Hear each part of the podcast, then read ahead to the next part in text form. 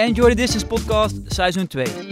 Ook dit seizoen weer veel tips en tricks die bijdragen aan het genieten van de afstand. Dit doen we wederom met leuke gasten, interessante onderwerpen en nog veel meer. Enjoy! Waarom ben je zo gefascineerd met slaap? Nou, ik ben eh, gefascineerd met slaap, eh, omdat ik eigenlijk vroeger zelf altijd een hele slechte slaper ben geweest. Ja, ik kwam eh, eigenlijk vrij snel achter. Uh, vanuit mijn opleiding doe uh, Food and Business Bachelor heb ik gedaan. En toen sliep ik eigenlijk al vrij slecht. Toen ben ik bij een uh, voedingssupplement merk ben ik afgestudeerd voor mijn bachelor. daar liep ik dan als stage voor mijn scriptie.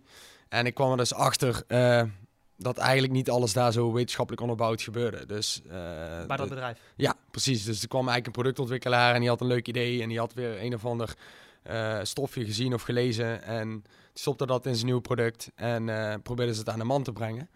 En daar, daar voelde mij, ethisch gezien, voelde ik mij daar wel op aangesproken. En het was niet eens per se over slaap. Ja, toen ben ik eigenlijk uh, een master gaan doen op de Maastricht Universiteit, Health Food Innovation Management. En ja, toen daar kwamen natuurlijk heel veel wetenschappelijke artikelen bij kijken. En toen ben ik eigenlijk dieper in de materie gekozen, of gekeken. En toen kwam ik erachter van, hey, ik ben eigenlijk best wel ondernemend aangelegd. Ik doe ook al uh, vijf jaar coaching. Waarom ga ik niet gewoon een eigen slaapsupplement op de markt brengen, waarmee ik zowel mezelf kan helpen als heel veel andere mensen met een supplement dat dus echt werkt. Um, ja, ik ben eigenlijk dieper in de materie gegaan. Ik heb een coachcursus, sleep coaching course, noemde ze zichzelf, heb ik gedaan, heb ik gevolgd. En uh, ja, inmiddels uh, vind ik zo gefascineerd door slaap dat ik er uh, dagelijks niet van kan slapen. Nee, grapje. maar ik probeer me in ieder geval wel er steeds meer in te verdiepen. En er blijven maar nieuwe dingen komen. En dat is nog zo'n groot veld wat uitgezocht moet worden. Ja, want dus ja. als je gaat kijken naar de, naar de statistieken, is dat, dat 25% van Nederland slaapt te weinig. En ja. ook nog eens 60% is ontevreden over de slaapkwaliteit. Waar, waar, denk je dat er vandaan komt, die statistieken? Dat ja. mensen zo slecht slapen. En 25% is nog eigenlijk laag gerekend zelfs. Uh, we zijn al sinds ja, een aantal jaar richting het 1 derde aan het gaan. Hè? Dus ja, het is toch wel echt een maatschappelijk probleem aan het worden. En dat komt, we slapen met z'n allen anderhalf uur minder gemiddeld dan 20 jaar terug. En wat, hoeveel was het dan 20 jaar terug en hoeveel is het nu? Uh, nou, je kunt zeggen dat bijvoorbeeld gemiddeld moet je 7 tot 9 uur slapen. Nou, als, als we met z'n allen 8,5 uur sliepen, dan slapen we nu 7 uur of minder. Ja. En uh, dat komt door de huidige maatschappij, hoe alles gaat. We zijn overprikkeld. Uh, overal waar, waar, we, waar, we, waar, we, lopen zijn stimulussen van marketing, sales, telefoon, mobiel, laptop, reclames. We worden zo overprikkeld met werk en, en stress dat we eigenlijk daardoor veel minder slapen. Automatisch ja. gezien, ja. ja. Dus uh, uh, eigenlijk adviseer je waarschijnlijk ook dan s'avonds dat mobieltje uit op tijd. En... Ja, dat is natuurlijk uh, een van de tips die je meegeeft. Maar dat heeft veel meerdere redenen. Um, ik kan er nu al dieper op ingaan. Of ja, misschien kunnen we eens even kijken, weet je, wat, waarom is eigenlijk mijn slaap zo belangrijk voor, voor, voor, een, voor een mens? Ja, nou laten we beginnen. Hè. Wij zijn twee mannen. Ja. Um, wij vinden natuurlijk uh, ons geslachtshormoon testosteron heel belangrijk, neem ik aan. Hè. Um, wat je ziet is dat zelfs na één uh, nacht slecht slapen van minder dan vijf uur, is ons testosteron al verminderd met 40%. Met 40%, dat is best ja. wel veel. Um, dit wil zelfs zeggen dat als jij een uh, lange termijn slechte slaper bent, dan krimpen jouw testicles letterlijk. Uh, waardoor je uiteindelijk uh, tien jaar ouder in, in jouw testosteronproductie bent. Dus als het ware, als jij een tijdje slecht slaapt, ben jij van in één keer van een man van bijvoorbeeld 25, 35 jaar of van 35 naar 45 jaar. Dat is het effect van alleen ja, al op de okay, testosteronproductie. Ja, de, de, de, de, kwaliteit van jouw uh, lichaam in principe. Ja, zeker. En dat is alleen al als ik het over testosteronproductie heb. Maar ook kijken naar het immuunsysteem. Eén nacht slecht slapen kan je immuunsysteem liefst met 70% al verslechteren. En als we nu kijken naar de huidige situatie met, met het virus en, uh, en dergelijke, dan kunnen we het allemaal hebben over heel veel leuke middeltjes, vitamine C en noem het maar op. Maar als we echt nou eens gaan kijken naar slaap, er zijn al onderzoeken die aantonen dat slaap letterlijk tegen corona helpt. En het vaccin ook alleen maar werkt als je goed slaapt. Dus ja. dat zijn hele leuke onderzoeken. En toch slapen er heel veel mensen slecht. Dat klopt. Ja, ja. Dus ik ben altijd wel geïnteresseerd van, ja, hoe kan het nou dat, dat zoveel mensen dan slecht slapen? Hoe het kan. Ja, ik heb natuurlijk wel iedereen. Iedereen heeft natuurlijk wel eens een keer een slechte nacht. Dat, dat, dat komt natuurlijk voor. En iedereen mm. wil een keer pieken van stress. En, maar uh, als je echt op lange termijn slecht slaapt, ja, hoe kan dat dan? Er zijn heel veel redenen voor. En uh, ja, zoals ik al zei, het kan liggen omdat we tegenwoordig in een maatschappij leven waar iedereen uh, vindt dat hij moet presteren. Ja. Hij moet een bepaald succes behalen en daarvoor leveren liever een uurtje slaap in s'avonds uh, dan dat we op tijd naar bed gaan. En het grappige is dat op het moment dat je dus dat uurtje slaap inlevert, dat je juist minder productief bent de dag. Als je, als je echt een slechte nacht hebt, dan kun je tot aan 70% minder productief zijn op je werk de volgende dag. Ja. Dus met dat, met dat uurtje slaap opgeven bijvoorbeeld, ja, dat gaat uiteindelijk jou gewoon nekken, uh, even zo gezegd, uh, de volgende dag met je werk. Dus ga gewoon op tijd naar bed, zou je zeggen. Maar ja, wat zijn nog meer redenen? Uh, ja, mobieltje zoals jij al zei. Ja, of, van alles. of ik het juist omdraaien, hè? want hoe, niet de redenen, was er juist de, de, de, verbeteringen die mogelijk zijn. Hè? Ja, ja, dat kunnen we al richting de tips gaan. Maar ja, kijk, de reden, cafeïnegebruik bijvoorbeeld. Hè? Hoeveel mensen drinken er s'avonds nog een lekker bakje koffie en dan vervolgens wel wakker liggen? Um, Want hoe lang blijft koffie in je bloed uh, circuleren? Ja, het is of cafeïne? Ja, het heeft een halfwaarde tijd van 8 tot 9 uur. Dat wil dus zeggen dat als jij om uh, drie uur s middags een kopje koffie drinkt, dan zit dat voor de helft nog om 11 uur s'avonds in je bloed. En dan kun je, kun je nagaan dat als je dus nog om 5 uur een kopje koffie drinkt, zit de helft nog steeds om 1 uur s'nachts in je bloed.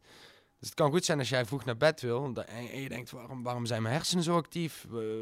ik voel me moe, maar ik kan niet slapen. Ja, dat is misschien gewoon nog die cafeïne die werkt bijvoorbeeld. Maar in, in groene thee zit ook theïne of dat theïne. wat vergelijkbaar is volgens mij toch met cafeïne? zeker waar. Je hebt een, uh, in groene thee heb je voor 20 tot 40 milligram per kopje. Um, maar zoals ik al zei, dat is 20 tot 40 milligram. En een kopje koffie is al snel 80 milligram. Dus daar zit ook al een groot verschil in. Daarbij zit een theïne, eh, daarbij is vaak ook het aminozuur theanine. Ja. En theanine is weer een rustgevende ontspanner. Dus het is niet helemaal te vergelijken, maar ik ben het zeker met je eens. Als je s'avonds drie, vier koppen groene thee drinkt, ja, dan kan het goed zijn dat je ook die theïne voelt. Maar je kan dus wel gewoon wel rustig s'avonds pakje thee kan, zou geen kwaad moeten kunnen. Nou ja, kijk, uh, als je gevoelig bent voor cafeïne, dan uh, is het af te raden, zeg ik heel eerlijk. Uh, maar je hebt natuurlijk ook cafeïne, of theïnevrije koffie, of theïnevrije thee. Ja. die zou je ook gewoon kunnen drinken. Ja. En wel trusten thee heb je ook bijvoorbeeld. Nou, dat is een beetje placebo, moet ja. ik zeggen. Maar er zit in ieder geval geen theïne in. Dus er is, als je echt thee-liefhebber bent, zijn er zeker mogelijkheden. Ik drink zelf wat een rooibos s'avonds. Ja. Perfecte oplossing. Ja, volgens mij zit daar ook niet veel in. Nee, niks. Nee, nee helemaal niks. Nee. Ja, 2 milligram of zo, dat is verwaarloosbaar natuurlijk. Uh, Zeker. Maar mijn cola, er ook, cola zit er ook uh, cafeïne Ja, per blikje cola 36 milligram cafeïne. Ja, dat was eigenlijk ook, uh, ja. tikt flink aan. Ja, weet je, als je in de bioscoop zelfs nog een halve liter cola wegdrinkt, het flesje. Ik heb wel eens gehad dat ik dan daarna niet kon slapen. En dan nu, nu ik er wat meer verstand van heb, een aantal jaar later, besef ik in één keer van... Ja, ik zat dan s'avonds een filmpje en dan ging ik nog een flesje cola halen en dan kon ik daarna niet slapen. Dus dat zijn redenen. Weet, weet, je, weet je wat ik bijzonder vind? Dat jij ook zei van een, als je een uur minder slaapt, dan ben je tot 70% minder uh, productief. Ja. Maar ik weet niet of je, heb je Kamp van Koningsbrugge gezien? Nee, heb ik niet gezien. Wat dat vind ik bijzonder als je kijkt, die, die mensen die daaraan meedoen, die krijgen gewoon amper slaap. Maar als je ziet hoe productief die zijn een week lang, ja, dat is bizar. Het, is eigenlijk het lichaam die kan er wel heel veel nog op weinig slaap natuurlijk. Ja, kijk, wel dat het wel zo is. En dat is iets uh, ook om te weten, je lichaam gaat wel op een bepaalde onderbewuste zombie-status. Want uh, nou, als we even de anatomie in gaan duiken, nou, je hersenen hebben natuurlijk uh, hypothalamus ik heb een beetje in het Engels geleerd, dus ik weet niet precies de juiste uitspraak in het Nederlands. Maar um, het stofje van de, pre, of uh, in ieder geval de prefrontale cortex, dat is eigenlijk het gedeelte wat nadenkt. Hè? Dat is het gedeelte wat, wat keuzes maakt. En dat wordt daadwerkelijk naarmate jij sleep deprived bent, hè, dus slaaptekort hebt, wordt dat gewoon steeds meer uitgeschakeld. Dus je gaat meer een automatisch piloot leven. Dus ik weet niet of die mensen, ik ken het programma verder niet, uh, toevallig al werk doen waar ze heel goed in zijn. Het kan zijn dat ze daardoor op automatisch piloot leven. Um, maar ik kan me niet voorstellen dat ze nieuw werk... Ja, het was nieuw. Ze gingen okay. een, een, een, een, opleiding tot uh, korps commandotroepen doen. Terwijl okay. ze zelf gewoon normale burgers zijn. De ene was... Uh, uh, ja, baan X, andere had baan Y. En ja. uh, opeens werden ze gewoon in het programma gezet en ze kregen de, een soort van nabootsing ja. van de opleiding tot de korpscommando. Ja, ik ben wel benieuwd. Het is natuurlijk een tv-programma dat ten eerste wat, wat ze zouden kunnen bereiken als ze wel hadden geslapen. Daar ben ik nog heel sceptisch over in ieder geval. Dus dat zou mijn feedback zijn aan dat programma van laatst ja, dat, wel slapen. Maar ze wil juist laten zien dat je dus op zo'n missie juist niet kan slapen af en toe. Dat is het idee. Maar goed. Uh, uiteindelijk denken dat het niet heel gezond was voor die mensen. Nee, sowieso niet. Dat kan ik je wel vertellen. Uh, maar als je het even terugkomt gewoon naar, naar het, de, de slaap, hè, de basis, weet je. Mhm. Want hoe zit slaap in elkaar? Je gaat natuurlijk s'avonds liggen en je wordt ochtends wakker, maar natuurlijk gebeurt voor mij een, heel hoop in, in die nacht. Ja, zeker waar. Ja, kijk, je hebt het uh, parasympathische zenuwstelsel en je het sympathische zenuwstelsel. En dat, dat is eigenlijk als het ware het autonomische zenuwstelsel, als je ze bij elkaar rekent. Op het moment dat jij in een, relaxe staat bent, dan zit je in het parasympathische zenuwstelsel. Dat, dat zorgt eigenlijk voor relaxing, uh, voor, voor, voor, het verwerken van, van bepaalde, ja, ja, hoe kan je het, ontstekingen en dergelijke. Dus eigenlijk het herstel van je lichaam vindt plaats tijdens het parasympathische systeem. Zoals ik al zei, hedendaags leven wij vooral in ons sympathische systeem. Stress, stimulus, fight or flight, hormonen, constant, hè, cortisol, stress, is constant hoog. En als het ware, omdat wij zo lang in dat systeem zitten, uh, hebben wij s'nachts moeite om in dat parasympathische systeem te komen. Dus we zijn een beetje uit balans. Mhm. En dat is een flinke oorzaak van uh, waarom we niet kunnen slapen. Maar als je dus kijkt naar, naar, naar wat er eigenlijk moet gebeuren in een goede, goede slaap, dan heb je dus vijf slaapfases. Uh, waaronder de lichte slaap, de diepe slaap en de remslaap. En in die diepe slaap, uh, daar ga je eigenlijk lichamelijke dingen verwerken. Daar herstelt je lichaam echt van. Hè. In jullie geval bijvoorbeeld bij het wielrennen uh, is die diepe slaap heel belangrijk. Uh, daar moet je lichaam herstellen. en vooral bij de remslaap is het weer het geheugen, het, het opslaan van, van trainingen. Maar dat kan ook bijvoorbeeld zijn, um, als het ware als iemand piano speelt, dan leert hij terwijl hij bijvoorbeeld slaapt, leert hij wat hij vandaag tijdens het piano heeft getraind. Dus het kan goed zijn dat hij de volgende dag veel beter is dan de avond ervoor. En dat komt omdat slaap dat echt voor je doet. Je verwerkt gewoon uh, wat jij doet daar tijdens dat piano spelen. Of een nieuwe training wielrennen bijvoorbeeld. Ja. ja. Dat ik wel of zo vreemd vind. Hè? Soms dat kan van mij, iedereen wel eens een keer meegemaakt. Dan, dan denk je dat je eigenlijk uh, niet goed geslapen hebt. Maar misschien heb je dan eigenlijk wel heel goed geslapen. En ik, mhm. heb ook zo'n sporthorloge die dan aangeeft van ja, dit is jouw slaapscore. En soms denk ik van ja, ik heb, ik heb helemaal niet lekker geslapen. En een horloge geeft daar waar je uitstekend, goed gedaan. Mm Welk horloge heb je? Uh, een Polar. Oké. Nou ja, kijk, eh, de accuraatheid van die, van die Apple Watches, van die Polar, van, van een Whoop, je hebt van alles natuurlijk. Ja. Um, ja, 100% accuraat zijn ze zeker niet. Ik heb ook wel eens uh, mensen die dan 12 uur gewoon in bed liggen en dan geeft hij een super hoge score aan. Uh, maar dat is, eigenlijk, helemaal niet goed voor je toch 12 uur in bed liggen? Nee, precies. Maar in bed liggen of slapen is natuurlijk een groot verschil. Maar dan geeft hij die score super hoog aan. Maar dat wil nog niet zeggen dat je echt dan 12 uur geslapen hebt natuurlijk. Um, nu is het wel zo, uh, wat de wetenschap zegt, is dat de subjectieve slaap, meting van onszelf als mens, VS een echte objectieve slaap, is heel divers. Dus wij kunnen heel, als, als mens heel lastig inschatten of we goed geslapen hebben. Ik denk dat je het ook wel vast is gehoord hebben. Hè? Je, je beste maat die dan zegt, oh jongen, vijf uur geslapen vannacht, maar ik ben topfit. Ja. Dat kan, kan hij zelf echt voelen, maar fysiologisch gezien wat er in het lichaam gebeurt, ja, dat is natuurlijk heel anders dan hij, hoe hij zich op dat moment beoordeelt van zijn slaap. Ja. En dat is mooi wat jij zegt. Sommige mensen ja, goed geslapen of juist ruk geslapen. Het kan allemaal heel andersom zijn. Ja, maar, dat, dat, maar hoe, hoe, hoe, kun je nou voor jezelf dan bepalen of je, of je nou wel of geen goede nachtrust hebt? Ja, er zijn heel veel factoren die, waaraan je het kunt meten. Uh, prikkelbaarheid tegen anderen. Het kan ook een vorm van stress zijn natuurlijk. Ja. Uh, uitgerust wakker worden uitgerust zijn gedurende de dag. Heb je zin om middagdutjes te doen? Heb je daar behoefte aan? Maar dat, Is dat goed als je de behoefte aan hebt om Nee, juist niet. Juist niet. Nee, juist niet. Ik zeg niet per se dat een, powernap slecht is. Kunnen we misschien dadelijk even over hebben hoe dat zit. Maar als je het algemeen per se nodig hebt, dat zou niet per se goed zijn. Uh, dat is in ieder geval een signaal van je lichaam van... hé, hey, misschien slaap je s'nachts niet goed genoeg. Ook al lig je misschien 9 uur in bed... Uh, is het aantal uren is vaak overrated. Dus jij kan zeggen, nou, ik ga om 8 uur naar, uh, ik ga om 11 uur naar bed en om 7 uur sta ik elke dag op. Maar wat er in die 8 uur gebeurt, dat weet niemand. Dus het kan ook zeggen, zijn van dat je nog van 11 tot 12 even uh, aan het draaien bent, nog even op je mobiel checkt, omdat je niet kunt slapen en wel tot 7 uur uh, hebt geslapen. Ja. Maar kwalitatief gezien, qua slaap, heb je misschien maar 5 of 6 uurtjes gehaald.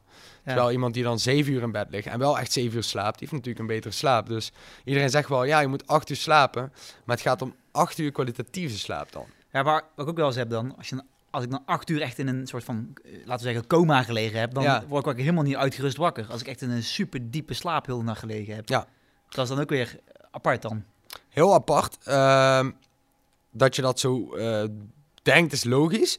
Maar het, waar het op neerkomt is, je hebt vijf slaapfases. Ja.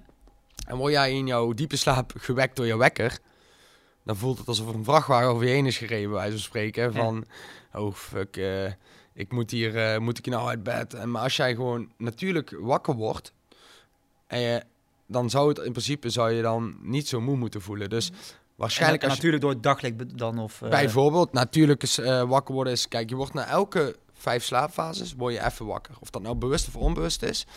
Dan checkt je lichaam of even alles goed is. Dat is bijvoorbeeld dat je even gaat draaien, misschien moet plassen. Uh, en vervolgens gaat hij weer de volgende, de volgende cyclus opnieuw beginnen. Of als je partner eh, te veel aan jouw kant ligt of de dekens heeft gepakt. Ja, dat kan ook. Maar hoe vaak is het zo dat, dat je inderdaad in die diepe slaap zit en er gebeurt iets en dan schrik je wakker? Of, dat is inderdaad uh, het, het punt. Je wordt nooit uitgerust wakker als je in de verkeerde slaapfase wakker wordt. Ja.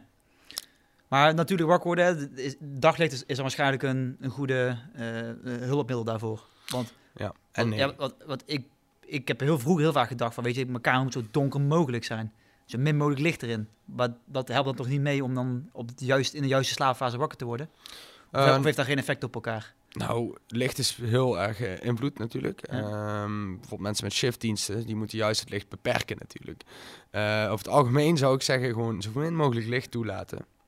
En dan kun je beter een wake-up light eh, gebruiken als natuurlijk wakker wordt licht, dan het licht van buiten. Want kijk je naar de zomer, dan is het gewoon al 4, 5 uur s ochtends licht.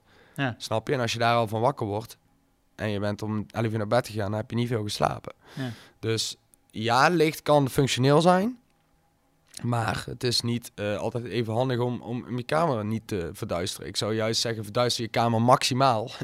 dan heb je in ieder geval die uren die je slaapt, de kwalitatieve goede slaap. Ja. Want was er bijvoorbeeld de dingen die, die jij op je eigen slaapkamer doet dan om je, om je eigen slaapcomfort te verbeteren? Ik uh, draag een slaapmasker. Ik heb uh, rolluiken. Uh, ja, ik moet eigenlijk, ben echt wel verslaafd aan donkerheid. De lichtjes moeten uit van een televisie of dergelijke. Ik heb geen, überhaupt geen technologie op mijn, op mijn slaapkamer. Dat is ook nog wel een dingetje. technologie. Kijk, veel mensen zeggen blauw licht. Hè? Ik weet niet of je ooit van de, van de mythe gehoord hebt. Blauw licht, ja. Ja. Nou, ja, blauw... Heel veel, heel veel beeldschermen hebben ook zo'n bepaalde filter. Daarvoor. Precies. Maar blauw licht, dat, dat, filtert, uh, of dat kan gefilterd worden met een blue light blocker of, of wat dan ook. Zelfs mijn bril heeft een blauw lichtfilter. Ja, precies. Maar wat, het, wat een, uh, een blauw lichtfilter niet doet, is jouw hersenactiviteit verlagen. Dus, jij kunt zoveel blauwe lichtfilters gebruiken. Maar op het moment dat jij naar bed gaat en je krijgt een negatief uh, berichtje van... oh shit, de wielrenwedstrijd gaat niet door door corona dan gaat jouw hersenactiviteit, boem, die schiet de lucht in. En ja, dat is natuurlijk rete negatief voor je slaapkwaliteit. Maar dat heeft niks met de... de Blauw licht te maken. Nee, nee. Dus je kunt zoveel mogelijk filteren, maar als jij alsnog een negatief berichtje krijgt, of niet eens negatief, juist heel positief, kan je ook wakker houden ja, natuurlijk. Maar daarom moet je juist dat ding vermijden, om, ja. om, omdat je dan heel veel impulsen krijgt, zoals je in het begin al zei, van, vanuit die eh, social media of WhatsApp. Of, exact, ja. ja. Maar dat is dan belangrijker dan, dan dat licht. Ik uh, vind hersenactiviteit verlagen voor het slapen belangrijker dan blauw licht. Ja. Dat, uh, dat zou ik zeker zeggen, ja. Want ik heb wel, als ik bijvoorbeeld tv ga kijken, ik vind tv, als ik dan echt een hele drukke dag gehad heb uh, en heel veel aan mijn hoofd heb, tv kalm, kalmeert mij wel. Gewoon even lekker tv kijken, weet je wel, gewoon s'avonds. Er zit natuurlijk ook weer een verschil in wat je kijkt. Ik, ja. ik neem mezelf even als voorbeeld ik ben ook zoals jij. Ik, eh, ik heb best wel wat drukke dagen. Uh, veel, veel afspraken. S'avonds misschien nog even op de laptop hier en daar een mailtje sturen. Hè, je kent het vast. Ja, ja. En dan, uh, nou, op een gegeven moment zeg ik wel echt tegen mezelf, nu is het klaar. meestal stop ik echt wel voor half negen. Maar wat ik dan doe, ik ga ook tv kijken. Maar wat voor programma's kijk je dan? Ik kijk echt programma's waar ik niet hoef na te denken. Ik heb laatst met mijn vriendin uh, Divorce opnieuw gekeken. Waarom kijk ik zo'n programma? Het boeit me natuurlijk geen ene reet wat daar gebeurt. Dus juist verlaagt de hersenactiviteit. Exact. Maar ga jij een hele spannende uh, horrorfilm kijken... waar je echt emotioneel gebonden bent aan de hoofdrolspeler... dan begrijp je wel dat dat, dat juist opwekkend Verhogend is. is ja. Ja. En je moet dus heel goed bepalen wat kijk je. Kijk je uh, een programma wat juist heel hersenactiviteit verlagend is... Of ga je uh, iets kijken zoals een film die heel spannend is? Dat zijn twee dingen verschillend. Ja. Dus, okay, uh, ja, heel, heel, interessant. Ik had er zelf niet over nagedacht. Uh, nee. En ik weet wel, ik heb zo'n automatische dimmer op mijn telefoon staan... dat hij mm. naar een bepaalde night shift aanzet. Ja. Maar goed, het is eigenlijk beter om op te letten dat je gewoon minder activiteit creëert. Ja. een goede tip daarvoor is, voor de, voor de luisteraars, om de 20-20-20-regel toe te passen. Uh, is een soort slaapritueel voor het slapen. Die kun je helemaal zelf indelen. Uh, 20, 20, 20 betekent eigenlijk een uurtje gedeeld uh, in drie stukken van 20 minuten. Ja. En nou, dan kun je bijvoorbeeld kiezen, de eerste 20 minuten ga ik mijn huis een beetje opruimen. ik ga even klaarmaken voor morgen, zet ik het eten klaar. misschien mijn tas inpakken. Nou, de tweede 20 minuten ga je je tanden poetsen, wellicht omkleden, even je gezicht wassen of douchen, wat je ook fijn vindt. En de derde stap is dan bijvoorbeeld meditatie of mindfulness, of, of in ieder geval je hersenen tot rust brengen. Ja. En als je dat gewoon uh, zelf invult, het mag voor mij pad ook andere dingen zijn, uh, dan zul je echt merken als je daar vast, uh, als je dat daaraan vasthoudt, dat je echt, echt beter gaat slapen en ook makkelijker in slaap komt. Ja, doe je zelf ook, die, die, ook het laatste stukje meditatie? Ik doe elke avond mediteren, elke Ja. avond, uh, ja, in ieder geval met, met een muziekje waar ik rustig van word, Ja. uh, lig, of, uh, hoofd in ieder geval leegmaken. En wat je ook heel belangrijke tip is, je slaapkamer moet een slaapkamer zijn. Geen werkkamer, geen uh, televisiekamer, een Ja. slaapkamer. Dus ik ga ook echt pas naar mijn slaapkamer op het moment dat ik ga slapen. Dus ook geen tv in de slaapkamer? Je moet het zo zien. Je, je bent vanaf je geboorte al geprogrammeerd. Dus op het moment dat jij jezelf programmeert om op je slaapkamer te werken, dan krijg je hersenen dus een stimulus als jij op jouw slaapkamer komt, dat je aan het werk bent of moet gaan werken. Ja. Terwijl als je echt alleen maar gaat slapen op je slaapkamer en s ochtends ook meteen die slaapkamer uitgaat, dan weet jouw lichaam, ik moet slapen als ik op die slaapkamer kom. En dat is dus onderdeel van die avondroutine. Ga pas naar je, naar je, naar je bed toe. Als je daar bijvoorbeeld mediteert, is natuurlijk prima. Eh, Want dan ben je al bezig met... met het in slaap vallen. ja, ja. Maar eh, ja, dat, is, dat is een hele belangrijke tip. En ik, ik weet dat eh, misschien studenten met een, met een studentenkamer dit natuurlijk lastig vinden. Sorry jongens. Eh, of, of inderdaad, als je thuis werkt en je, hebt, eh, je woont nog in een appartement en je hebt geen werkkamer. Ik heb wel eens videoafspraken gehad dat mensen in een slaapkamer zaten te werken, inderdaad. ja, maar dan zou ik toch de tip geven, ga dan in de woonkamer zitten. Ja, Ook al ja, als daar kinderen rondlopen en zo is het natuurlijk lastig. Ja. Maar over het algemeen probeer al waar mogelijk dat wel toe te passen. Waar ik ook nog geïnteresseerd naar ben, wat is het effect van, van bijvoorbeeld een, vloerbedekking of iets in, je slaapkamer? Dus de stof. Want heeft dat stof veel effect op je slaap? Eh, wat wel effect heeft, is bijvoorbeeld het uitwassen van je beddengoed. Eh, je kunt je voorstellen dat als je een lekker vers net uitgewassen beddengoed hebt, dat je daar in, dat je daar in slaap valt meteen al een rustiger gevoel krijgt. Alles is schoon. Je kent misschien van vroeger nog wel als mama alles uit had gewassen. Dat was altijd heerlijk. Als je onder de dekens kon kruipen.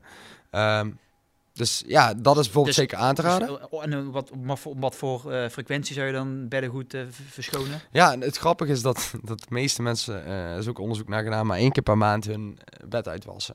Dus ja, weet je, frequent. we zweten echt elke nacht superveel.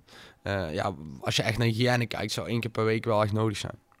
Eén keer per week. Ja, dat is Ja. wel ook hygiënisch gezien echt sowieso voorstander. En Ja. als het je slaapkwaliteit ook nog eens verbetert, dus gewoon bed, ja, waarom niet? Maar in principe heeft het ook wel dan... eh er kan natuurlijk wel veel, ook veel stofdeeltjes dan, of huisstofmijt of iets. Ja. En dat gaat er met wassen in principe ook uit dan. Ja, in principe wel, maar ik, ik, ik durf niet per se te zeggen dat het nou minder huisstofwijt de slaapkwaliteit verbetert. Maar wat, wat jij al wel zei van nou, een fijne vloerbedekking, et cetera. Ja. Ehm, het draagt indirect bij. Kijk, als jij comfortabel bent, rustig, helemaal zen, laten we het even zo zeggen, Ja. op jouw slaapkamer, dan is het logisch dat je ook eerder en makkelijker en dieper slaapt. Als jij een hele eh, eh, prikkelbare slaapkamer hebt, eh, ja, dan is het logisch dat het Nee. ook averechts werkt. Nee, ik vind zelf eigenlijk dan zeg maar, eh, geen vloerbedekking fijner, omdat ik snel ge- geïrriteerd ben door stof. Ja, dan moet je het niet doen. Nee, precies. Dus Nee. maar eigenlijk per persoon is het afhankelijk. eh Ja. of iemand dat oké. Precies. Dat, dat, dat, dat zei ik ook met die 20-20-20 regel van Ja, bouw hem in zoals je zelf wil. En precies. Bedenk even goed van wat stimuleert mijn hersenactiviteit en wat niet. Ja. Kijk, de ene, als ik bijvoorbeeld een, een boek over mindset lees, eh, geld verdienen, think and grow rich, weet ik veel, voor het slapen. Ik word daar heel actief van. Een ander kan daar juist heel chill op slapen. Ik lees liever bijvoorbeeld een fictief boek. O- ja, fictie. eh, dat- Ja, dat is heel erg Ja, is persoonsafhankelijk. ontspanning natuurlijk. Ja. En over het algemeen zie je wel dat fictie beter doet dan echt eh, zware eh, stofboeken. Ja, de hersen, Ja. hersenactiviteit alweer. Exact. Oké. En ja, ook bijvoorbeeld met een plassen s'nachts. Ga niet op je mobiel kijken hoe laat het is. Je wekker eigenlijk ook af, afdekken. Het geluid, of in ieder geval het geluid van de wekker, sowieso cortisol stressstimulerend. Mm maar in ieder geval de tijd al zien kan al een stressrespons opwekken. En dan kan het al zijn dat jij niet meer in slaap valt na het plassen. Oké, oké. Ja, en de, de meest voorkomende discussie die ik met mijn vriendin heb voor het slapen gaan... Ah, gaat, het, gaat het raam open of blijft het raam dicht of gaat hij op een kiertje? Mhm. Wat is de invloed van, uh, van frisse lucht zeg maar, op, je, op je nachtrust? Goeie vraag. Er zijn natuurlijk twee factoren waar ik meteen aan denk als, uh, als, als slaapcoach. Uh, je hebt geluiden buiten. Hoeveel last heb je van het geluid buiten? Als je het raam openzet. Uh, lopen daar mensen langs, sirenes, ik weet het niet. Het kan allemaal invloed hebben. Ten tweede heb je temperatuur. En de beste temperatuur voor een slaapkamer zit tussen de 17 en 19 graden. Als het nou echt winter super koud is, kun je je voorstellen dat, dat het wel kouder dan die 17 graden kan worden. Ja, dan moet je je voorstellen dat het dan misschien niet zo slim is. Dan kun je beter uh, de kamer luchten voordat je gaat slapen en daarna het raam dicht doen. Maar in de zomer, ja, uh, dan is het uh, bij ons op het appartement wel eens gewoon 30 graden. Ja, dan, dan zitten we natuurlijk echt in een hel. Ja, Letterlijk en figuurlijk, uh, hoe warm het is. En uh, dat heeft zeker negatieve invloed. Dus ja, dan probeer ik wel zeker een raampje open te zetten s'nachts. Ja, oké. Maar in principe, de, de, de, temperatuur is misschien wel belangrijker dan, dan de frisse lucht, of? Of kun je ja, de temperatuur is belangrijker dan frisse lucht, kan ik wel zeggen, ja. Oké. Maar uh, ja, frisse lucht is sowieso goed natuurlijk. Ja, precies. En wat, wat, me ook opvalt binnen, binnen, binnen de sportwereld dan, hè, kijk, er worden, als je kijkt naar bijvoorbeeld professionele wielerteams of mm voetbalclubs, er wordt steeds meer aandacht besteed aan slapen. Er komen professionele slaapcoaches, slaapteams. Voordat ze naar een hotel gaan, wordt alles afgeplakt en eigen matras mee. Hoe belangrijk is nou slaap voor een sporter? Ja, ik, ik kan er geen woorden aan, uh, aan vuil maken. Dat is zo essentieel. Dat is, ja, ik ben natuurlijk heel biased daarin misschien een beetje van. Maar uh, het is echt keer op keer op keer bewezen uh, dat slaap eigenlijk onderwaardeerd is in de piramide. Dus uh, als je kijkt naar, heel veel mensen hebben het vaak over eiwitshakes en repen. En dat is allemaal zo belangrijk. En dan worden honderden euro's, uh, honderden euro's per maand of per jaar aan uitgegeven. Maar als we echt kijken naar slaap, daar wordt dan heel weinig aan besteed. Terwijl als je kijkt naar voeding en training, dan staat slaap minimaal gelijk daaraan. Ik denk nog wel hoger.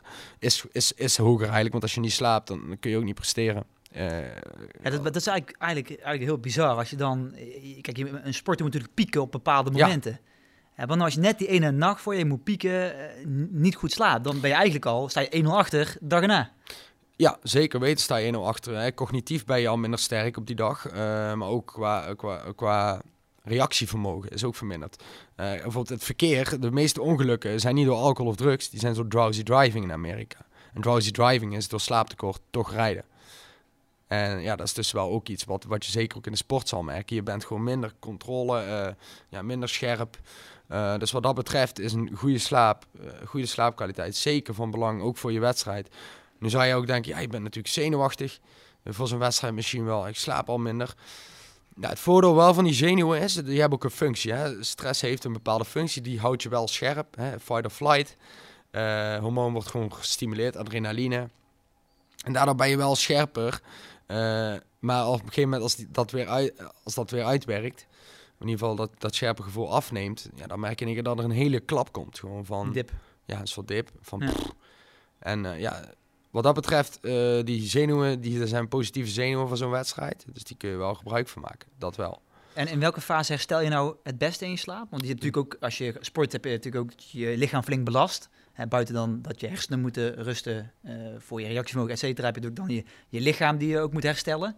En wat was de fase dat je dan het beste herstelt? Ja, dus het is eigenlijk, uh, je hebt vijf slaapfases. En de eerste slaap is ongeveer uh, 5 tot 10 minuten. Dat, dat, is waar je in slaap valt. Dan heb je de tweede slaapfase, de lichte slaap. Uh, die is meestal 25 minuutjes ongeveer. En daarna komen de twee slaapfases, die zijn heel belangrijk. De derde en vierde zijn de diepe slaapfases. En daar gaat echt het lichaam fysiek herstellen. Uh, daar komen ook heel veel hormonen vrij, GABA, et cetera. Um, ja, dat is echt waar het lichaam zichzelf herstelt.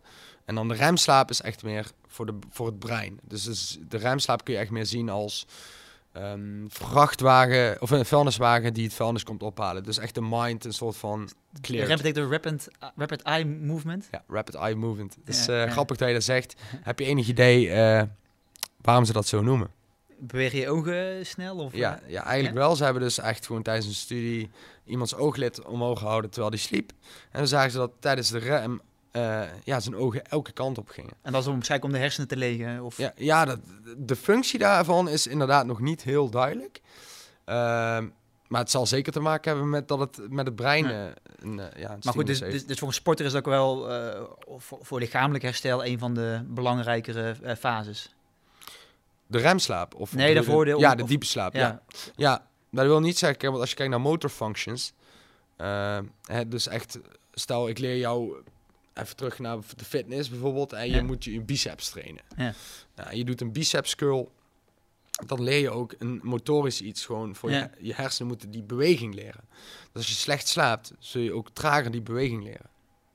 En dat is natuurlijk met een techniek met wielrennen, zou dat ook wel zo zijn. Uh, dus als jij goed slaapt, zal iemand die goed slaapt, zal een techniek eerder oppakken dan iemand die slecht slaapt. Ja, oké. Wat ik trouwens wel, ook wel eens meemaken met de, oh, je hebt dat over die vijf fases hè, en, en dan die eerste fase, die vijf tot tien minuten. Mm, ja. Wat ik wel eens meemaak bij mezelf of bij mijn partner is een heel erg schok in die, uh, in die vijf tot tien minuten voor iemand echt in slaap valt. Mhm. Is dat iets wat vaker voorkomt? Of? Ja, ja het, het kan meerdere functies hebben, die, uh, die schok. Want in principe is het ook zo'n soort van het in slaap vallen. Uh, ook weer een stressrespons van, weet je wel, een soort van alsof je wakker wordt van een nachtmerrie, zo'n schok. Hm. dus het, het, heeft wel. Alleen meestal heb ik, ik, ik, heb er ook geen, geen last van. Hè? Dus, nee. dus het gebeurt gewoon, alleen ik heb zelf niet door dat het gebeurt. Nee, maar het kan ook bijvoorbeeld een droom zijn. Weet je wel, dat je begin van een droom zit en dan eigenlijk nog een soort lichte slaap, waardoor je dus wakker schiet en toch weer snel in slaap valt. Dus uh, het kunnen meerdere functies hebben. Het kan ook gewoon een spierspanning zijn. Ja, Bijvoorbeeld als je een zware wielrendag hebt gehad. Ja, dus uh, als je een zware sportdag hebt gehad. Ja, dan, uh, sportdag, ja, dan kan het zijn dat je daardoor die schokjes krijgt. Even, even een krampje s'nachts. Ja. Wel, ja, die kuitkrampjes, ik weet niet of je ze ooit gehad hebt, maar die zijn echt wel lelijk. onder je voet, ja, ja, ja. Ja, dan zit je wel rechtop in bed, zeg maar hey, en um, de houding van je slaap. Hè? Kijk, je hebt natuurlijk uh, verschillende soorten slapers. Mensen die op een rug liggen, op een buik liggen, op een zij liggen. Kun je daar iets over vertellen? Want ik ben dan ook wel geïnteresseerd of dat ook bepaalde invloed heeft op, op, op je lichaam of op je slaap. Um, wat we eigenlijk weten is dat op je rug slapen beter is voor je fysiek. En dan bedoel ik niet per se de slaap, maar de fysiek. Dus echt eh, voor je rug, voor je nek, eh, voor je houding. En als je een slechte houding hebt voor langere tijd, kun je blessures krijgen. En blessures zijn we negatief voor je slaapkwaliteit. Dus indirect zou je zeggen, oké, je wil op je rug slapen, train jezelf daarin. Het kan echt, je kunt jezelf trainen. Je hebt heel veel mensen die zeggen, ik moet op mijn buik slapen. Maar is echt waar, dit is echt wel uh, op de lange termijn wel catastrofaal voor je houding. Je kunt er ook onderrugklachten van krijgen, nekklachten. Als je op je buik slaapt? Als je op je buik slaapt. Ja, ik had wel een keer vernomen dat op je buik slapen is echt heel slecht voor je. Had ik, uh, ja, ja, heel slecht, ja. ja. Voor organen had ik uh, toen de tijd wat ik dan gelezen had, voor je organen en mhm. voor je, voor inderdaad voor je, je, je heupen en je houding, ja. ja. ja, inderdaad. Dus wat je zou kunnen zeggen is, zou het dan effect hebben op je slaap? Indirect zeker. Want als jij het zo lang volhoudt dat, totdat jij je aandoeningen krijgt, dan heeft dat natuurlijk ook weer negatief effect op je slaapkwaliteit. Maar het is wel zo volgens mij dat op je rug slapen bevordert weer of, of, of die zorgt ervoor dat je meer gaat snurken. Kan, dat kan wel. Uh, kijk maar, snurken en apneu, dat is misschien ook wel uh, een bruggetje waar we daar naartoe kunnen maken. Uh, dat, dat, dat is vaak iets wat um, kan ontstaan vanuit, echt vanuit de neus zelf. Zeg maar. Vanuit de holte. Ja, vanuit de holte. Ja. Um, dus wat doe ik die iemand die echt slaapapneu heeft en die, die bij mij komt met, met slaapproblemen, die, die verwijs ik wel echt door. Ik bedoel, ik kan heel veel tips geven en ik kan hem uh, heel veel dingen voorschrijven. Het is medisch is dat? Ja, het is uh, voornamelijk wel iets meer apneu, dan ben je al wel ver hoor. Dan, apneu uh, is dat je stopt met ademen, toch? Kan, tijdens het, tijdens het slapen dat je gewoon even niet meer ademt. Ja. Maar dat is, het begint met snurken. Hè? En snurken kan uitlopen naar apneu als je daar niks aan doet. En er zijn vaak mensen die ook verslaafd zijn aan neusspray bijvoorbeeld, uh, die, die dan uh, apneu uiteindelijk krijgen als ze daarmee willen stoppen. Of in ieder geval niet genoeg neusspray tijdens het slapen kunnen innemen. Maar dat zijn, uh, dat zijn inderdaad uh, lastige maar, dingen. als je snurkt of apneu hebt, lijkt me ook niet echt bevorderlijk voor je, voor je nachtrust. 100% niet, nee. Het zijn ook vaak mensen die 4, 5 uur slapen daardoor. Ja. Dat ze dus wakker worden, geen adem. droge mond ook. Droge mond kun je uiteindelijk ook wakker worden. Want je kunt je voorstellen, hou je neus maar eens dicht. En ga dan een minuut ademen en dan heb je al een droge bek. Ja. grof gezegd, ja. Ja. nee, dat klopt.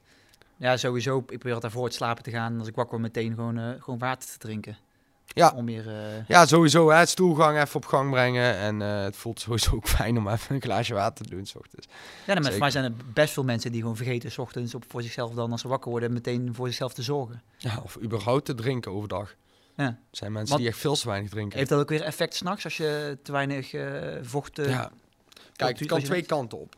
Ben je gedehydrateerd, heb je slechte slaapkwaliteit. Dat is echt, eh, uitdroging is gewoon slechte slaapkwaliteit. Het, het heeft, me- heeft meerdere fysiologische factoren die daar een rol op spelen. Ehm, maar je komt gewoon niet echt in die diepe slaap daardoor. En je, ja, je lichaam heeft gewoon dorst als het ware. Maar in tegenstelling, als jij liters water drinkt voor het slapen, kun je ook voorstellen dat je vier, vijf keer naar het toilet moet. Ja, dat is natuurlijk ook negatief voor je slaapkwaliteit. Je wil eigenlijk natuurlijk in één keer doorslapen. Niet naar het toilet toe. Dat is het gevaar als je dan s'avonds laat nog een theetje drinkt. En misschien iets te groot theetje, dat je dan later daar weer Ja. s'nachts weer uit moet inderdaad. Ik ben gekapt daarmee eh, met te veel drinken s'avonds. Ik, ik, ik had eerst nog vrij dicht kwark op mijn slaap. En eh, ja, dan moest ik ook vaak plassen. Dus ik probeer nu die kwark iets eerder te nemen op de avond. Bijvoorbeeld eh, en fruit ook iets eerder. Als je fruit net voor het slapen valt natuurlijk heel veel vocht. Ga je En- ook gewoon en- van plassen. En maar sowieso het effect van net voor het slapen gaan eh, eten. Want ik neem aan, als je nog net voor je slapen gaat eten, je lichaam moet het eten wat je tot je neemt verwerken in je maag en zo. Mhm. Is dat ook dan iets waar je af zou raden? Ik zou direct voor het slapen gaan eh, wel vermijden. En dan niet omdat eh, eh, voor het slapen gaan eten je dik maakt of zo. Nee, dat niet. Dat hoor je ook vaak. Maar dat is echt een mythe, jongens. Eh, maar meer omdat je lichaam gewoon aan het werk moet om het te verwerken.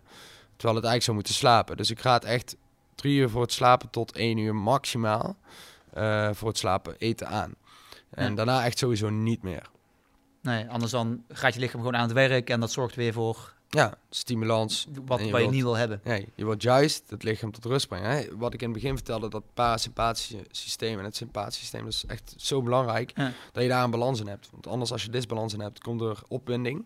En opwinding zorgt weer voor arousals. En arousals zijn eigenlijk ja, opwindingen gedurende de nacht. Dus Ja. dat je in één keer schrikt of wakker of niet in die diepe slaap komt. Want als je nou kijkt naar eten, hè, mensen hebben natuurlijk een bepaald eetpatroon. De ene misschien wel beter dan de ander of anders dan de ander. Kan Mhm. ook heel vaak met sport gerelateerd zijn. In hoeverre kan jouw eetpatroon eh, effect hebben op je, op je nachtrust of op je slaapkwaliteit? Nou, er zijn natuurlijk bepaalde voedingsstoffen ten eerste, eh, die een effect kunnen hebben op je slaapkwaliteit. En daarnaast heeft, heb je ook het circadiaans ritme. Ik weet niet of je daar ook wel eens van gehoord hebt. Nee. nee. Nou, het circadiaans ritme is eigenlijk een 24 uur klok van je lichaam. Eh, het bioritme. Eh, het is eigenlijk een biologische klok. eh, die is niet alleen voor, voor, hè, voor je hersenen, maar die gaat ook voor je organen, je, al je lichaamdelen, je spieren. Ze hebben allemaal een 24 uur klok. Wat ik daarmee wil zeggen is dat je lichaam raakt gewend aan wanneer het bijvoorbeeld traint. Je lichaam weet wanneer het moet opstaan. Licht, donker heeft daar een hele grote invloed op, op die biologische klok. Eh, maar wat ik daar ook mee wil zeggen is dus dat het heel belangrijk is dat je consistent bent in je eetpatroon. Maar ook bijvoorbeeld in je trainingen. Als je altijd ochtends traint eh, en je wedstrijd is avonds, is dat misschien niet zo slim. Ga dan ook 's avonds trainen. Andersom ook. Circadiaans ritme is van groot belang op jouw prestaties. Eh, eetpatroon hetzelfde. Ga jij in één keer anders eten, raakt je lichaam in de war. Je organen moeten op andere ma- manieren werken. Kan het goed zijn dat je in één keer moeilijker in slaap komt. Dus consistentie is key, weet je wel. Dat is die cliché, maar dat is echt waar. Dus eh, het is heel belangrijk dat je op dezelfde momenten van de dag een beetje eet. En of dat nou per se 's ochtends is, zou ik... Je hoeft niet per se te ontbijten, maar over het algemeen wees dan consistent in hetgeen wat je doet. Maar oké, dus dat is meer over de, de, de wanneer je eet en, en wat je eet. Mhm. Nou, wat je eet kun je echt kijken naar eh, voedingsstoffen ehm, die tryptofaan bevatten bijvoorbeeld. Eh, zoals een banaan, een kers, Dat is een bepaalde stof. kiwi. De tryptofaan is een aminozuur. En aminozuur, eh tryptofaan, weet je wat een aminozuur is? Het is een onderdeel van een eiwit. Dus een eiwit is opgebouwd eh, van een keten en een keten bevat dan aminozuren. Eh, je zult vast, eh, oh, als je moet herstellen van, van je training bijvoorbeeld, moet je, aminozu of, moet je eiwitten binnenkrijgen. Nou, die eiwitten bestaan dus uit aminozuren. En een van die aminozuren kan tryptofaan zijn. En je zoekt dus eigenlijk voedingsstoffen, of in ieder geval voedingsproducten met een hoge biobeschikbaarheid van tryptofaan. En dat is dan bevorderlijk voor je Ja. nachtrust. Dus dat kan bijvoorbeeld zijn eh, een banaan. Een banaan eh, zit tryptofaan in. En tryptofaan wordt dan omgezet naar serotonine, een gelukshormoon. Ja. En de serotonine wordt omgezet naar melatonine. Dus zodoende kan een, uh, het eten van bananen, uh, pure chocolade, niet per se, hoeft niet eens per se in de avond. Maar genoeg van dat soort voedingsproducten binnenkrijgen kan bevorderlijk zijn voor je slaap. En als je dan de, de, andere, de andere kant op kijkt, hè, wat, moet, wat zou dan niet... Ja, wat zou je dan niet adviseren om, om te eten wat dan negatief is voor je, slaap, uh, voor je slaaprust? Voor je slaapkwaliteit? Um, Oh, wat ik ook trouwens nog even wil benoemen is dat een hoge uh, glycemische index uh, aan koolhydraten, dat wil zeggen snelle suikers, snel opneembare suikers, die kunnen ook een stimulans creëren voor het opname van de tryptofaan. Dus die kunnen ook bevorderlijk zijn voor het uh, stimuleren van de nachtrust. Bijvoorbeeld? Dus dat wil zeggen dat als jij snelle suikers, hè, zoals ik al zei, die banaan, is best wel snelle suikers, die zit ook nog tryptofaan in. Ja. Nou, dat is dus echt een product wat je kunt nemen. Maar als je kijkt naar uh, honing bijvoorbeeld. Uh, dat, dat is best wel uh, glycemische index hoog, maar, of druiven. en als je die dan combineert met, met, met andere producten van tryptofaangehalte, kan het ook nog stimulerend zijn voor je nachtrust. Als je kijkt naar wat je echt niet moet hebben, dan, dan zou ik niet per se een specifiek iets zeggen. Een te zware maaltijd zou je dan kunnen noemen. en cafeïnehoudende producten. Ik benoemde net pure chocolade, die is bijvoorbeeld wel tryptofaanrijk. Of in ieder geval biobeschikbaar. maar er zit ook weer cafeïne in. Ja, dus ja, dus dan zou je het niet per se s'avonds moeten eten. Doe het dan overdag. Ja. Oké. En uh, breng mij bij het volgende, volgende puntje. Je, noemde net al een stukje melatonine. Ja.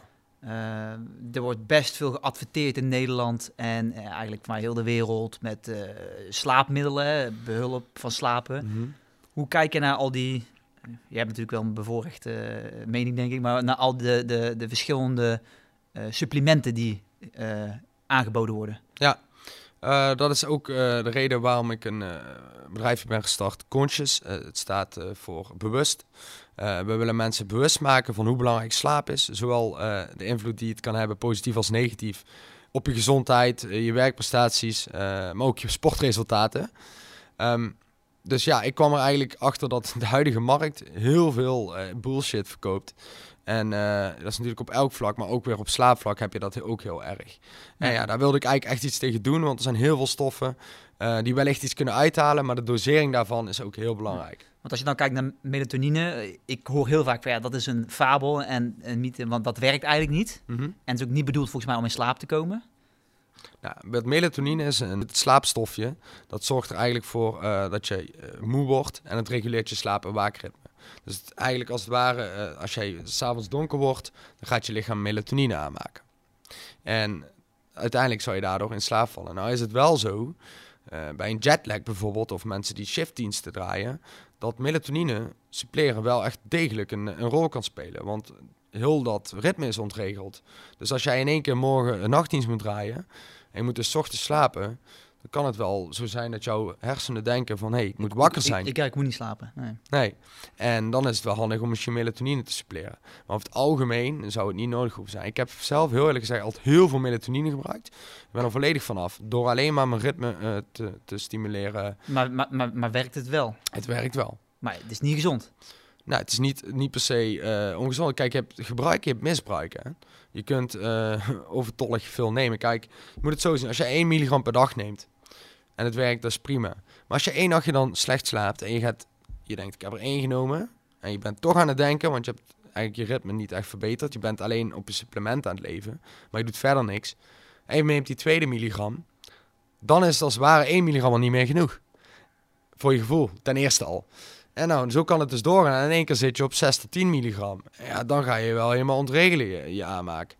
Maar als je dan op een moment weer stopt met die melatonine, moet je eerlijk zijn, dan is je lichaam ook weer snel hersteld ervan en kun je gewoon weer slapen. Maar het zit vaak meer tussen de oren wat er met melatonine gebeurt, dan daadwerkelijk uh, uh, ja, het effect wat het teweeg brengt, zowel negatief als positief. Placebo dus eigenlijk. Maar goed, het uh, heeft in veel studies ook aangetoond dat het voor jetlags, shiftdiensten wel zeker nuttig kan zijn. Oké, maar als je kijkt dan de, de, de, de stoffen die in, in, in, in jullie nightcap zit. Ja. Wat voor stoffen zitten daarin dan? Ja, nou wij hebben zelf dan een, uh, of ja, ik heb eigenlijk ben met de samenstelling gekomen van de Good Night Caps uh, van Conscious. En ja, daar kwam ik eigenlijk met een samenstelling die uh, wel, kijk, de stoffen los zijn wel al verkrijgbaar op de markt. Maar de doseringen die je bekijkt met de andere stoffen, die waren niet wetenschappelijk onderbouwd. Dus daar wilde ik echt iets tegen gaan doen. En toen ben ik eigenlijk op deze samenstelling gekomen. Er zit dus GABA in, valeriaan, magnesium taurinaat, uh, of tauraat in het Nederlands. En het is eigenlijk een, een, een is eigenlijk een vrij nieuwe vorm van magnesium. En die heeft een wisselwerking met GABA, uh, best wel positieve wisselwerking. waardoor je dus nog een versterkend effect van het GABA krijgt op je slaap. Vaak is het zo dat mensen, zoals ik al zei, niet echt geremd worden in hun dag. En dan kan het zijn dat ze s'nachts ook te weinig GABA aanmaken. En daarom is het ook belangrijk dat, dat je genoeg GABA in ieder geval in je lichaam kunt aanmaken. Of in ieder geval in je lichaam hebt zitten. Um, dus dat zit erin. Uh, Ten slotte hebben we dus ook nog theanine, had ik nog niet genoemd, geloof ik. Um, dat is ook weer een stof die goede wisselwerking heeft met GABA en slaapbevorderende ja, voordelen biedt. En tenslotte zit er dan nog een klein beetje melatonine in. En wat je echt ziet is dat onder de 0,5 milligram melatonine er geen bijwerkingen zijn. Uh, in ieder geval geen negatieve bijwerkingen. En dat het voor, uh, ja, voor bepaalde mensen toch net het tikkeltje kan zijn wat, wat stimulerend kan werken op de slaap, om in slaap te komen. Maar goed, over het algemeen zou je dus wel het, het gedeelte melatonine als verwaarloosbaar kunnen zien. Nee. Maar de andere stoffen is eigenlijk waar het echt om draait. En daar gaat het, uh, die kunnen ook echt het doorslapen, het verdiepen van de slaap bevorderen. Ja, het is eigenlijk een soort redmiddel eigenlijk. Hè? Want in principe als je dus echt gaat kijken naar de basis, zou je eigenlijk al die andere dingen adviseren. Exact. Ja, maar uiteindelijk dan, uh, weet je, heb je er echt moeite mee, dan zit echt een, redmiddel waarbij je het ja. gang kan krijgen. Ja, verwoordt het uh, eigenlijk heel mooi. Um, ik ben het ook echt gestart met het met de intentie van ik wil waarde leveren. Ik wil mensen echt helpen beter te slapen. Uh, je moet heel veel dingen doen. Wij delen daarom ook uh, altijd hebben een foldertje met tips erin. Uh, die je naast het supplement ook kunt gebruiken. Of in ieder geval kunt uitvoeren. En ja, het supplement is eigenlijk een tikkeltje in de rug. Als je ook ziet bij onze gebruiksaanwijzing. Wij zeggen niet van je moet dit elke dag pakken. Wij zeggen neem het supplement op de dagen dat je een extra goede nacht kunt gebruiken. Maar dat wil dus zeggen dat je sowieso dat ritme dus op, op gang brengt. En al die dingen die ik tijdens de podcast heb benoemd. En als je daarna dan nog een duwtje in de rug wil hebben, of je merkt dat je lichaam toch nog net wat onrustig is, ja, dan kan zo'n slaapsupplement echt net een tikkeltje geven om die diepe slaap te bereiken. En dan heb je hele mooie slaapresultaten zoals jij met je horloge ook kan meten. Uh, dat hebben we ook echt voor en na, of in ieder geval met en zonder gemeten. En we zien echt hele mooie verschillen daarin. Oké. Want als je even even op sommen zou kijken, wat zou je nu als, als slaapcoach dan de, de, de belangrijkste punten uh, adviseren aan mensen die het gevoel hebben dat ze niet lekker slapen of niet tevreden zijn over hun slaapkwaliteit? Wat zijn de speerpunten? Poeh, de speerpunten. Um, kleine samenvatting dus eigenlijk van, van de tips die ik gegeven heb. Nou, ik zou sowieso zeggen, um, creëer een, uh, ga niet snoezen, creëer een ochtendroutine, ga meteen uit bed. Snoezen, ja, dat brengt je eigenlijk terug in je remslaap je moet je voorstellen dat als je lichaam dus eigenlijk al de stimulus heeft gekregen van... hé, hey, wakker worden vriend, en jij gaat snoezen, sorry, dan, um, ja, dan is het eigenlijk dat je weer terug in je remslaap gaat. Dus je lichaam komt even terug in zijn slaap, maar dan gaat die wekker weer en dan moet je weer uit, bed en dan is je lichaam dus eigenlijk en ontregeld. Ontregeld. Ja. En dan ben je dus is het kans groot dat je gedurende de dag in één keer moe bent, vermoeid. En dan denk jij, waar komt er vandaan? Ik heb toch genoeg geslapen en ik heb gesnoest. En maar uiteindelijk komt het dus gewoon je lichaam weet niet meer wanneer het uh, moet wakker worden en wanneer niet. En s'avonds nee. kan het zelfs zijn dat je daar dan moeilijk in slaap komt. Dus uh, ja, creëer een ochtendroutine, vang ook genoeg daglicht op. Um, helemaal geen blauw licht. Kijk, blauw licht heeft ook een functie. Hè? Dat komt natuurlijk ook vanuit de, vanuit de zon. Uh, dat licht, dat zonlicht, dat wakkert juist ook die melatonine stimulatie aan in de avond. Dus als dan het, het, zonlicht afneemt, dan ga je die melatonine aanmaken. Dus je moet juist overdag, of in ieder geval s ochtends, wel proberen wat, wat zonlicht op te vangen. Om jouw slaap- en waakritme op gang te brengen. Dus die ochtendroutine heel belangrijk. Ja, die avondroutine met die 20-20-20 regel zou ik toepassen. Um, die is erg belangrijk ja, verschoon uh, af en toe je, je, bedlakens. Uh, dat is ook een hele belangrijke. Um, ja, er zijn natuurlijk ook een aantal slaapstoffen, voedingsstoffen die ik ook benoemd heb, die kunnen werken. Die zijn erg van belang. Um, ja, dat... Uh, ja, genoeg om mee aan de, aan de gang te gaan voor de mensen die, uh, die, die, die, niet lekker slapen. Nee, zeker. Ik denk dat er heel veel, uh, heel veel dingen Het kan zomaar zijn dat er een, de ene tip of de ene verbetering beter werkt dan voor de, voor de andere. Ja, en ook waar het nodig is. Hè. Re stress reducing, dus echt het verminderen van je stress. ja, dat is denk ik eigenlijk het meest belangrijk.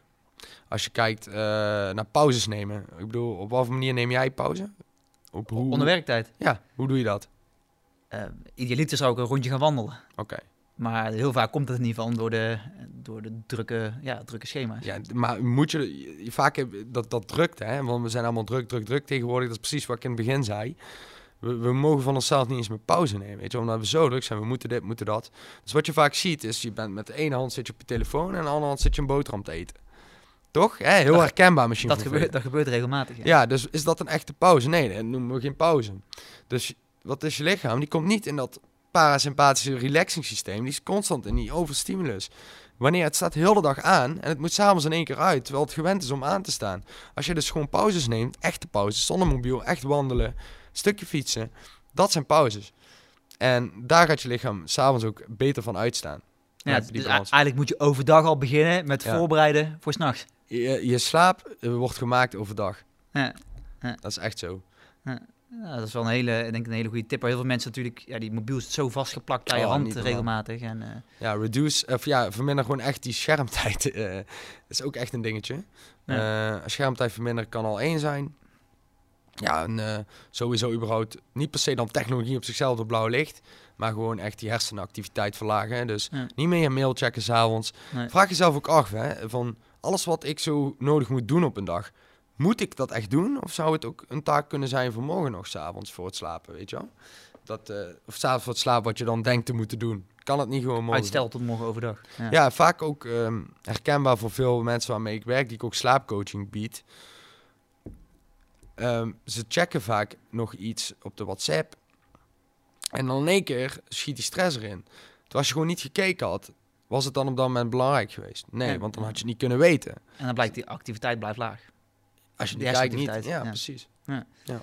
Wat, een van de laatste dingen die, nog, die ik nog wil weten is, is het ook bewezen dat sporten, uh, dus niet per se topsport, maar gewoon sporten bevorderlijk is voor, voor je nachtrust? Dus dat dat, ja.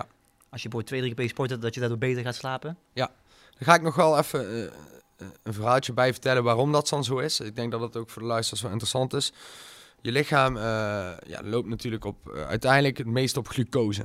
Uh, en glucose is dus echt de leverancier van, van energie. Maar uiteindelijk, glucose wordt omgezet in ATP. En ATP is eigenlijk hetgene waar onze spieren en alles eigenlijk ja, van energie voorziet. En glucose zit in? Ja, het zit eigenlijk in koolhydraten. Maar kijk, vetten en eiwit kunnen ook worden omgezet in glucose. Okay. dus uiteindelijk alle suikers, alle koolhydraten worden glucose. Oké. Maar... Um, nu is het zo dat die ATP, uh, dat is natuurlijk iets wat nodig is tijdens het sporten, hè, die energieleverancier. Dus je maakt heel veel ATP aan. En een van uh, de drie letters, de A van ATP, is adenosine. En adenosine, dat reguleert juist je slaapdruk. En de slaapdruk, dat is juist hetgene uh, waardoor jij moe wordt. Dus op het moment dat je heel veel adenosine hebt, dan zul je uiteindelijk dus s'avonds moe worden. En het is niet slim om echt direct voor het slapen natuurlijk te gaan sporten, want dan ben je heel actief. Hè? Dan heb je die fight-or-flight modus. Uh, maar als je gedurende de dag wel sport, heb je dus die ATP aanmaak, heel veel adenosine in het lichaam. En dan word je uiteindelijk s'avonds moe en kun jij makkelijker in slaap komen. En dieper slapen ook. Dus draagt sport bij? Jazeker. Ja. Wat doet cafeïne? Die blokkeert de receptor, hè, de ontvanger van adenosine. Dat wil dus zeggen dat de adenosine rond blijft zweven. Het kan niet worden opgenomen als je cafeïne drinkt. Maar op het moment dat het cafeïne uitwerkt, boom, alle adenosine wordt tegelijk opgenomen. En wat voel jij? Een cafeïne crash. Ja. Dat is die pre-workout en dingen. Als die uitwerken, crashen.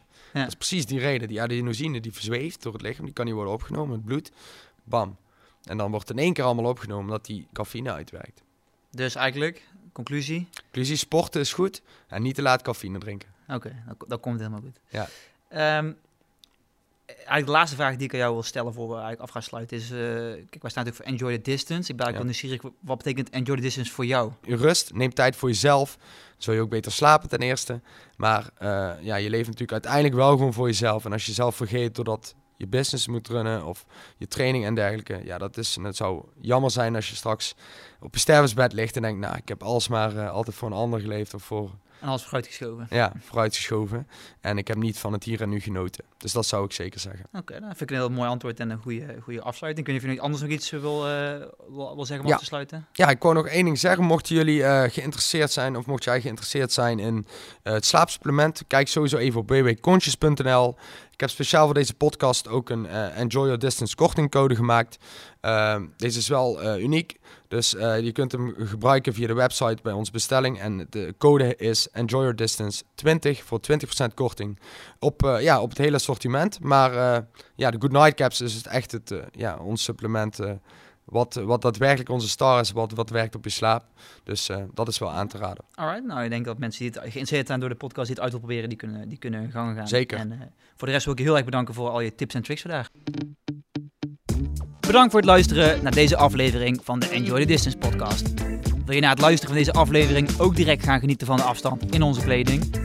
Laat dan een review achter en wie weet ben jij de gelukkige winnaar van de prachtige kledingset. Enjoy the distance.